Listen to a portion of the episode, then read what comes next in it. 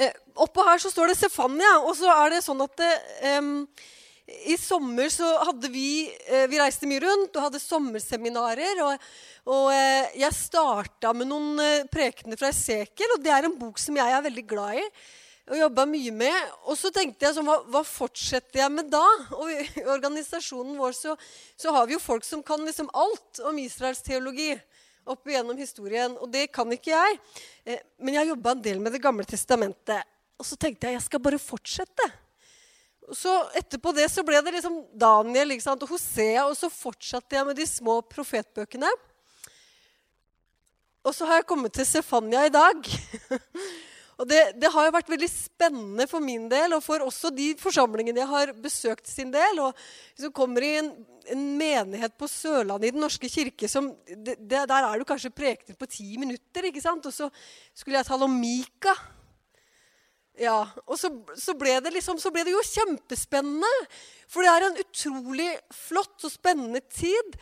Å gå, altså det å gå inn i bøkene sånn eh, og, og eh, hente fram litt skatter og litt historie. Og det skal vi også gjøre i dag. Når jeg jobber med disse bøkene i Det gamle testamentet, så pleier jeg å bruke, starte med det jeg kaller for 1-1-strategien. Eh, og den funker i, ikke i alle bøker, men i, i Sefania så er den helt perfekt. Eh, og dere som har Bibel, ikke sant? dere kan jo slå opp hvis dere har lyst. Men hvis vi går til Sefania 1.1, så får vi jo kjempegod rammekunnskap om hvilken tid Sefania lever, beveger seg og profeterer og underviser i. Og da står det Herrens ord kom til Sefania, sønn av Kushi. Sønn av Det er Gedalia det skal stå der. Det en liten skrivefeil sønn av Amaria og sønn av Hiskia. I de dager som kong Joshia, sønn av Amon, var konge i Juda. Og For noen så høres jo det ut som liksom, ok, og så må vi bare videre. Vi er jo ikke så glad i de ettertavlene i Bibelen. Men jeg skal fortelle dere, gå inn i ettertavlene, så ser dere på de navna. For de gir oss utrolig god kunnskap som er verdifull når vi skal forstå tekstene. Vi ser jo bare av det første verset her at Stefania er jo av kongelig hus og ett. Altså Hiskia var jo en konge. Og det var fire ledd før Sefania. Han er også oldebarnet til en kongelig. Vil si at han hadde nok en viss status eller en viss posisjon i det gamle Israel, i det samfunnet han levde i. Og så ser vi at han profeterte i de dager som kong Jos, Josia var konge. Tror dere historiske bøkene sier noe om han? Ja! Hvis vi går til andre krønikebok 34 og 35, så kan vi jo lese hele livet til kong Josia. Og det er kjempeviktig for oss når vi skal forstå Sefania, å se hva som rører seg i den tida hvor kong Joshia levde. Og her kan vi se at Sefania sannsynligvis var jo en del av en veldig stor vekkelse. Fornyelse i det gamle Israel i den tida som han levde. Så hele, Det er bare tre kapitler, men de er jo en stor vekkelsesforkynnelse. En vekkelsespreken. Ja, Nesten sånn at vi kunne gått til noen av historiens vekkelser og lytta til deres prekener. Og vi, vi ville hørt liksom, tordenprekener om omvendelse. Og det er akkurat det samme Stefania har som budskap. Eh, kong Josia levde og regjerte mellom 639 og 609 før Kristus. Da må vi gruble litt. Hva, hva rørte seg i tida rundt Israel på 640-tallet før Kristus? Jo, Israel var delt i to. Det var Nordriket med disse ti stammene. Og så var det Sørriket med disse to stammene. Og Nordriket hadde jo allerede gått under. De, styre, de store asyrerne, de store, stygge asyrerne hadde kommet og ødelagt Nordriket i 722. Og det er faktisk på oldefaren til Sefania sin regjeringstid. Det skjedde omkring Hiskias regjeringstid. Og så går det noen år, og så sparer jo Gud Sørriket. Og jeg er sikker på at hvis vekkelsen og trofastheten mot Gud som ble en virkelighet i kong Joshia sin tid og på Sefanias tid, hvis det hadde fortsatt, så tror jeg kanskje at Sørriket også hadde vart noen flere år. Fordi i 586 Eller hva jeg skal si Fordi de fire neste kongene etter kong Joshia, de gjorde det som var ondt i Herrens øyne. Ja, Og da ble landet ødelagt av babylonerne, som bygde opp sitt store nybabylonske rike i 586 før Kristus. Og hadde de neste kongene etter kong Josia gjort det som var rett i Herrens øyne, så lurer jeg på kunne historien sett annerledes ut da? For det er faktisk sånn i Det gamle testamentet at vi ser alle kongene som beskrives i det gamle Israel. Helt fra David. Han gjorde det som var rett i Herrens øyne. Og så klassifiseres de etter det om de gjorde det som var rett i Herrens øyne, som som sin stamfar David eller om de gjorde det som var galt i Herrens øyne. Og da var det avgudsdyrkelse. Da var det å bygge opp avguder, eh, introdusere de naboene, nabofolkets guder inn i den israelske ja, inn i tempelet osv. Joshia gjorde det som var rett i Herrens øyne. Og profeten Sefania fikk være med på det. Så Noen ganger så leser vi Det gamle testamentet og så tenker vi Gud var så streng så ble Jesus litt snillere i Nytestamentet. Da tror jeg ikke vi har, For det første så leser vi jo hele bø... Hvis vi leser de tre kapitlene i Sefania, så ser vi jo den tordenpreken-delen, som er første halvdel, én og to. Om kallet til omvendelse. Kallet til å ydmyke seg. Fordømmelsen av avgudssynd. Det er jo nettopp det som er Guds nåde det å rekke ut en hånd og gi en mulighet til omvendelse. Tenk om Gud hadde sagt 'Jeg skal bare glemme den derre synden, jeg'. Så tror jeg ikke engang Jesus hadde kommet. Men Guds nåde er det som gir en mulighet for omvendelse og ydmykelse. Og så, hvis vi går til Stefania 3 jeg tror Problemet vårt er jo at vi hopper over 1 og 2, for vi går rett inn i 3. Og så har vi noen favorittvers der. Og vi skal se litt mer på de. Men uten at vi er stille for Herren, sånn som det står i kapittel 2, så spørs det om vi hører versa om, eller løftene om gjenreisning og frelse i kapittel 3. Jeg tror jeg har sagt det med ja, Josia gjorde det som var rett i Herrens øyne. Og så må vi si litt om vekkelsen fra andre krønikerne 34 og 35. Joshia, Kong Joshia var åtte år da han ble konge. Så jeg er en gutt på seks år.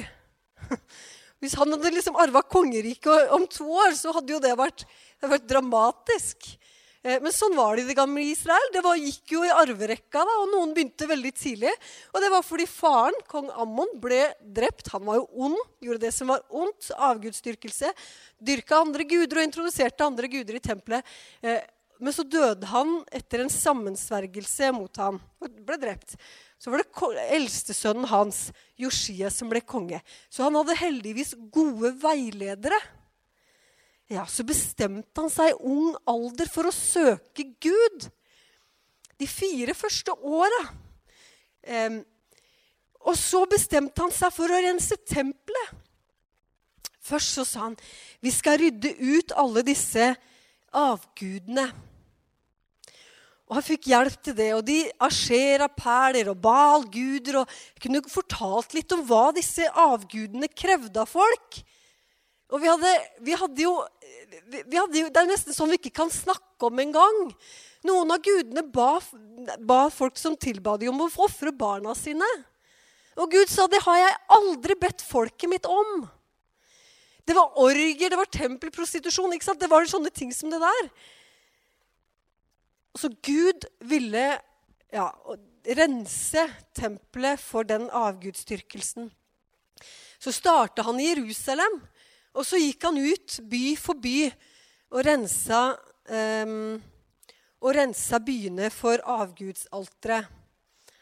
Så jeg har alle disse versa på papir med noen sånne utgulinger. Så istedenfor å bare lese punktene, så kan jeg lese noen vers også. Men når vi leser teksten litt nøyere, så ser vi jo at han ramser opp byer. Starta i Jerusalem og Judea. Og så reiste han til Samaria. Og det her er jo land, eller områder som på den tida lå under asyrerne, og som var tatt over av de. Men vekkelsen, den fant sted der også. Og så bestemte han seg for å fikse opp i tempelet. For tempelet hadde blitt brukt til all slags dyrkelse eller ritualer og dyrkelse av guder. I Josias 18. regjeringsår, da var han 26 år gammel. Han hadde rensa landet, og, og, og skulle, ja, så sendte han Shafan, sønn av Asalya, sammen med byhøvdingen. Og så kommer de inn og skal rense opp og sette i stand Herrens tempel. Nå har dere jo pussa opp flere ganger i det lokalet her. Og så er det jo sånn husker, Det er jo noen år siden, men da jeg jobba her, så husker jeg at det, man liksom fant fram igjen gamle, noe av de gamle strukturene. Og det er jo sånn når vi pusser opp hjemme, ikke sant? Og så finner vi Oi, hadde vi den der? Sto den sånn? Vi pussa opp kjøkkenet for noen år siden, så fant vi plutselig en blå vegg bak der. Og så tok vi vekk den, så var det noe rødt bak der igjen. Og så tok vi gulvet, og så var det plutselig fliser helt i bånn. Vi finner fram gamle, gamle, ting, dukker opp når vi pusser opp. ikke sant? Når de skulle sette i, gang, sette i stand tempelet, vet dere hva de fant? De fant jo bokrullene! Og da tenker jeg var det sånn at ikke de hadde hatt bokrullene før? I alle fall var det svært få som kjente til det. I alle fall var det svært få som visste hva det sto der. Jeg regner jo med at det er Moseloven ikke sant, de fant. Og når de fant den, så sier de ja, men hva, hva er det her for noe? Nå leser jeg noen vers fra andre krøniker. Mens de holdt på med å ta fram pengene som var kommet inn til Herrens hus, så fant presten Hilkia en bokrull med Herrens lov som var gitt ved Moses. Hilkia henvendte seg da til riksskriveren Shafan og sa jeg har funnet en bokrull Det er loven i Herrens hus, eller med loven i Herrens hus. Og Så ga han rullen til Shafan, og Shafan tok med seg bokrullen til kongen. Så liksom sånn, Se hva vi fant! Se hva det her er! Og Samtidig meldte han tjenerne skal gjøre alt det som er pålagt dem i forhold til oppussinga. Sølvet som fantes i Herrens hus, har de smeltet om og gitt til tilsynsmennene og arbeidslederne. Og så fortalte han til kongen. Så har presten Hilkia gitt meg en bokrull. Ja, hva står i den, da, sa kong Joshia. Ja, nå også leste de det som sto i loven for kongen. Og det virker som om ingen hadde lest den på lang tid.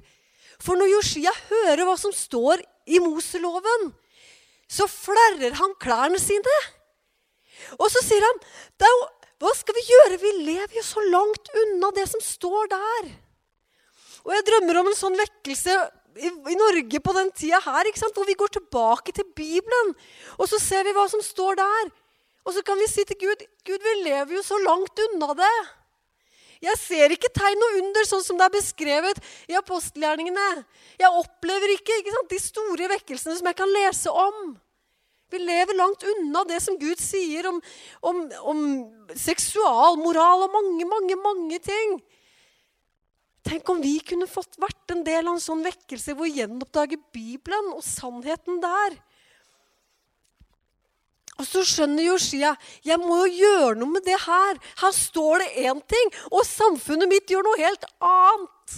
Her står det sånn, og jeg er der.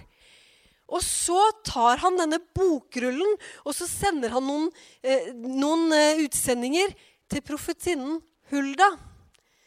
Og så sier han, 'Kan ikke hun hjelpe oss å forstå?' Og jeg tror Hulda eh, altså det her er jo på tida til Jeremia også. Og av Josias liv så kan vi si at profeten Jeremia egentlig er en god kompis og venn av kong Josia. Og når kong Josia dør, så er det Jeremia, profeten Jeremia som lager en sånn likklage. Og den ble en likklage som man brukte i alle generasjoner seinere, eller etterpå. Og så sier Hulda, profetinnen som bodde i Jerusalem, at Gud kom til å vise nåde mot kongen fordi han, funnet, fordi han etter å ha funnet den bokrullen satte seg fore å gjøre det som var rett for Herren. Men så går de rett på sak, og så sier de her har vi noe å leve etter. Her har vi noe å følge i, bok, i bokrullen. Og så bestemmer de seg for å feire påske. Og så står det i, i eh, krønikerne her at sånn påske hadde de ikke feira på aldri så lenge. Kan du se for deg disse, eh, disse kongene som hadde regjert noen generasjoner før? Eh, ikke, altså Det var jo ikke tilgang til Guds ord engang. Sannsynligvis. Det var ingen som hadde lest det på veldig lenge. Og så hadde de fått en åpenbaring nå. At det er på tide å gjøre det som står i bokrullen. Det første de gjør, er å feire påske for Herren i Jerusalem. De slakter påskelammet den 14. dagen i den første måneden. Og det er jo et minne om det som skjedde ved utgangen av Egypt. Når påskelammet ble slakta for første gang. Det ble malt med blod på dørstolpene. Og kongen satte prestene til deres oppgaver. Og han oppmuntret til tjeneste i Herrens hus. Og så var det sånn at de familiene som Det her var jo nytt for veldig mange. ikke sant? De hadde jo tenkt helt andre Feira helt andre høytider. Og så sier kong Josia at dere som ikke har mulighet til å komme med et påskelam sjøl, de skal jeg sponse. 30 000 lam gikk det til fra kongens eh, hva heter det? Kongens eh, forråd til den feiringa. Gjør dere klare, familie for familie og skift for skift, slik Israels konge, konge David og hans sønn Salomo har forskrevet.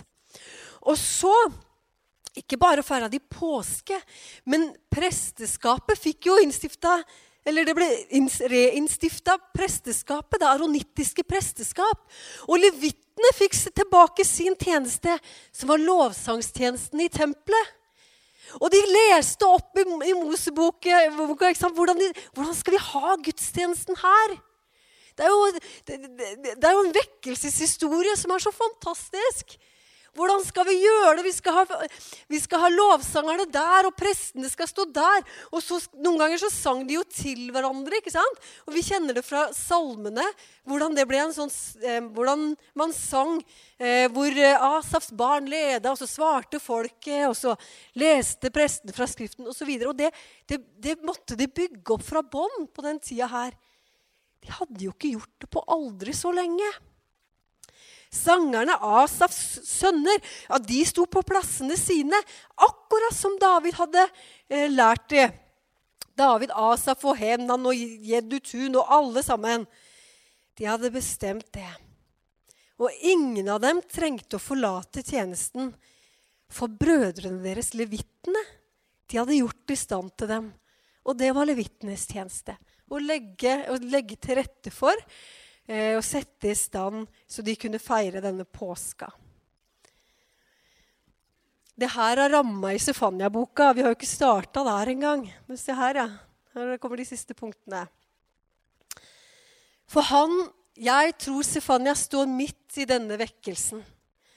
Jeg tror han er blant de som forkynner Herrens budskap. Og noen har liksom reagert på at det er så stor forskjell mellom fokuset i kapittel 1 og kapittel 3. Men da er det ikke det som akkurat er i vekkelsestider. At vi forkynner Guds nåde til tilgivelse og behovet vårt for omvendelse. Og når vi går til det skrittet å ydmyke oss for Gud, så opplever vi at Gud tilgir, og Gud gir løfter som er langt større enn det vi kan forstå.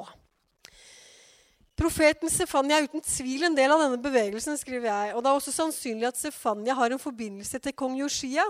For han er jo av kongelig slekt. Fire generasjoner etter kong Hiskia. Så vet vi at profeten Jeremia sto kong Joshia nær. Eh, så det er også sannsynlig at Sefania, som en del av det miljøet hvor vekkelsen, som, sto midt i denne vekkelsen, eh, sammen med den profetinnen som het Hulda, eh, og sammen med flere andre profeter, kanskje også Habakuk og den Ja, eh, flere på den tida der. Kapittel 1 starter jo med alvorlige mm, hva skal vi si, advarsler om Herrens dag.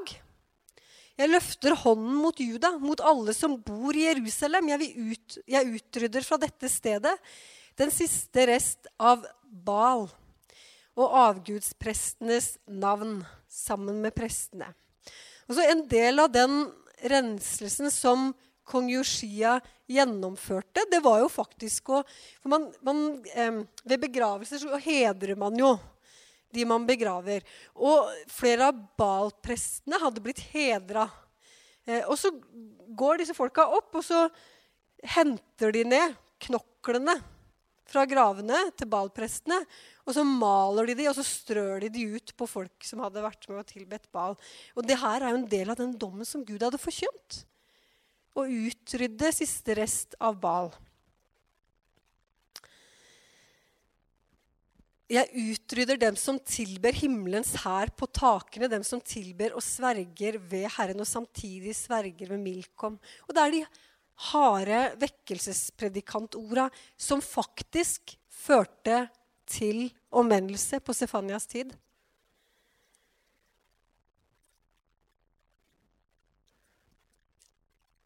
1,7.: Vær stille for Herren Gud, for Herrens dag er nær. Herren har gjort i stand et slaktoffer, og han har helliget dem han har innbudt. Det er jo nesten mulig å tenke seg at et slaktoffer her kan vise til nå skal vi snart feire den der påsken. Vi har jo snakket om det lenge. Vi har gleda oss, og vi har funnet denne lovboka som, som, forteller hvordan vi skal feire påske. Og nå har Herren gjort i stand det slakteofferet. Ja, til og med har kongen lagt, sagt, lagt, gitt til disposisjon 30 000 av denne type slaktoffer. Det kan godt hende at det er midt i den fornyelsen og vekkelsen som vi kan lese om. Så kan vi også lese det som en profeti om Jesus. Herren har gjort i stand et slaktoffer. Kjapt så kunne vi dra tankene tilbake til Isak, Abraham og Isak. Hvor Abraham faktisk er villig til å ofre sin sønn, og så sier Herren, 'Jeg har jo gjort det i stand.' Jeg har gjort det i stand en, eh, et lam, et offerlapp. Stefania 1,12.: På denne tiden skal jeg gjennomsøke Jerusalem med lys, og jeg skal straffe menneskene der. Altså, jeg er så glad for at folket vendte seg om til Gud på den tida der. Fordi det gjorde jo at folket fikk leve i fred i 30-40 år til. Men de neste kongene Jeg vet ikke om de hadde om de ensa det budskapet her. Ja. Joshia sin sønn, ikke sant? Eh, og da ble det jo sånn at Gud sa Nå har jeg advart folket så mange ganger, ved så mange anledninger, og så konkret og de har til og med opplevd vekkelse på tida til Joshia og andre konger tidligere. Men nå vil jeg ikke lenger spare Israel. Det de eier, skal plyndres, og husene kommer til å bli ødelagt. Bygger de hus, får de ikke bo i dem, og planter de vingårder, får de ikke drikke av vinen. Og Det var akkurat det som skjedde i 586, når landet gikk under, og folket ble tatt med til Babylon. Fra mm, vers 14 og utover her så kan vi lese om Herrens dag, som er en vredens dag. I kapittel 2 kommer denne sterke oppfordringen med, mot, om å søke Herren. Kom sammen og hold samling, du folk som ikke kjenner skam. Søk Herren, alle ydmyke i landet. dere som følger Hans bud, søk rettferdighet og vær ydmyke, så finner dere kanskje ly på Herrens vredesdag. Og jeg ser for meg, jeg vet ikke hvordan han liksom formidla denne profetien. Men det var jo noen som reagerte, og så sa de ja. Vi skal komme sammen. Vi skal jo ydmyke oss. Ja, jo, men der kom kongen også. Ja, Kongen ydmyka seg og flerra klærne sine for å rope til Gud om nåde og vekkelse og godhet. Og der fikk de jo bønnesvar. De opplevde jo en fornyelse. De opplevde jo en fred. De opplevde en framgang i noen år, i til, eller noen år fremover. Og jeg, når vi leser disse versene her, Tenk om vi ikke hadde lest de sammen med andre krøniker. Da hadde vi jo ikke sett for oss den vekkelsen som er svar på Jesefanias for, forkynnelse. Så det her gir oss en kjempe åh, det gir oss en sånn kjempegod opplevelse av å forstå bedre disse tekstene. Ja, eh, og så Resten av kapittel to er en sånn eh, dom over folkeslagene. Så jeg går ikke inn i den i og med at det er jo, det er jo Vi tar til oss eh, det vi Ja, de, de, ble jo også inntatt av babylonerne, for å si det sånn. Så er det kapittel tre. Derfor vent på meg, sier Herren til den dagen jeg står fram som vitne. For det er min rett til å samle folkeslagene og føre kongeriker sammen, for å øse ut av min harme over den. All min brennende vrede, for i ilden fra min lidenskap skal hele jorden fortæres. Og den tror jeg ligger fram i tid. Oh, jeg tror det er en profeti som kommer ved den endelige dommen. At alle folkeslagene skal samles. Og så sier Herren litt seinere nå skal jeg la det bli igjen hos deg, Israel, et ydmykt og fattig folk, som skal ta sin tilflukt til deg. Der var den. De som er igjen av Israel, de gjør ingen urett og taler ikke løgn. Ingen svikefull tale fins i deres munn. Når de går på beite, kan de hvile trygt, og ingen skremmer dem. Og så kan vi tenke er det noen som er sånn feilfrie som det av oss mennesker som er skapt? Og så kan vi si, vet du hva Etter at Jesus kom, så ser jo ikke Gud på våre synder. Han ser jo Jesus. Han er jo stedfortrederen vår. Så disse versa de leser jeg med tanke på de av det jødiske folket som har møtt, eller som blir kjent med Jesus. Hvis, hvis disse ofrene i Det gamle testamentet bare kunne dekke synden, så forteller jo hebreerbrevet oss at Jesus kom for å fjerne synden helt. Og det er jo forskjellen. Jeg tror det er disse Stefania snakker om her. Og de skal bryte ut i jubel, datter Sion. Rop av fryd, Israel, i vers 14. Gled deg, datter Jerusalem, og juble av hele ditt hjerte. For Herren har jo fridd deg fra dommen, drevet dine fiender bort. Israel, Herrens konge, er hos deg, og du skal ikke lenger frykte noe ondt. Ja, Den dagen skal det sies til Jerusalem, Sion, vær ikke redd. Ja. Og la ikke hendene synke. Herren din Gud er hos deg. Han er en helt som frelser. Han fryder seg og gleder seg over deg, og han viser deg på ny sin kjærlighet. Han jubler over deg med fryd. Og tenk om vi hadde starta der! Da hadde vi jo gått glipp av alt det gøye med den store vekkelsen som Stefania var en del av. For det er jo der vi ofte starter. Og vi må gjerne ta til oss disse versene, for de er jo til oss òg. Men vi skal ikke ta de fra det jødiske folket. Vi er ikke erstatningsteologer og tenker at det der nå er det bare over oss Herren skal fryde seg. For det skal komme en tid da Herren fryder seg over det jødiske folk, over den messianske bevegelsen. Og jeg tror dere at det er det som ligger i løftet til Abraham i 1. Mosebok 12 om å være til velsignelse for folkeslagene. Det skal komme en dag, og det er den dagen vi venter på. Det er den dagen vi jobber for i min organisasjon. Hvor vi skal stå skulder til skulder med de messianske jødene for å nå ut til folkeslagene med evangeliet. Det tror jeg er en dyp og stor åpenbarelse av det som, det som var lova i første Mosebok 12. For Herren angrer ikke. sin utvelgelse, sine, sitt kall og sine nådegaver. Og det alltid, skal alltid være en del av forkynnelsen vår. Når vi bruker disse tekstene i Det gamle testamentet, tenker jeg at Gud har alltid en plan igjen med det jødiske folket. Og da vil jeg, vil jeg vanligvis slutta sånn La oss be, og så, og så, har jeg lyst til å be. Men når jeg viser den sliden her, så er det fordi jeg har noen videosnutter som sier litt om arbeidet vårt i Den norske Israelsmisjonen. Så hvis vi får til å vise de etter jeg har bedt, så får dere se det. Hvis ikke så må dere bare gå inn på YouTube og søke de opp. Ja. Himmelske Far, vi takker deg for ordet ditt, Herre, som er levende og som er virkekraftig, og som gjør det som hensikten med det var og er. Og takk for ordet fra Sefania. Og takk for hensikten som lå i det, om en vekkelse og en fornyelse blant folket. Og takk for at ordet ditt gjorde nettopp det.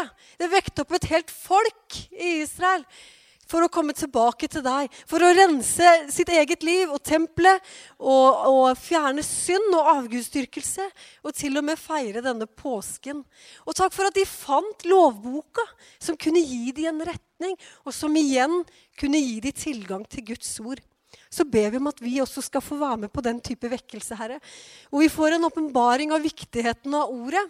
Hvor vi speiler oss i det, og hvor vi vender oss til deg og roper, Herre, når vi ser at ikke det står i samsvar med måten vi lever på. Jeg ber deg, Herre, om at folket vårt skal se seg sjøl i det speilet og vende seg til deg, Gud. Spesielt i de tidene her hvor mange trenger håp og lever i en sårbar situasjon og trenger noe håndfast, Herre. Så ber vi om at evangeliet til frelse skal være en, en, en vei tilbake til deg, Gud, for disse. Jeg har lyst til å legge tida framover i dine hender, og så takker jeg deg for at vi fikk lov å komme sammen i dag. Og takk for det som vi fikk lov å være med og dele sammen. Amen.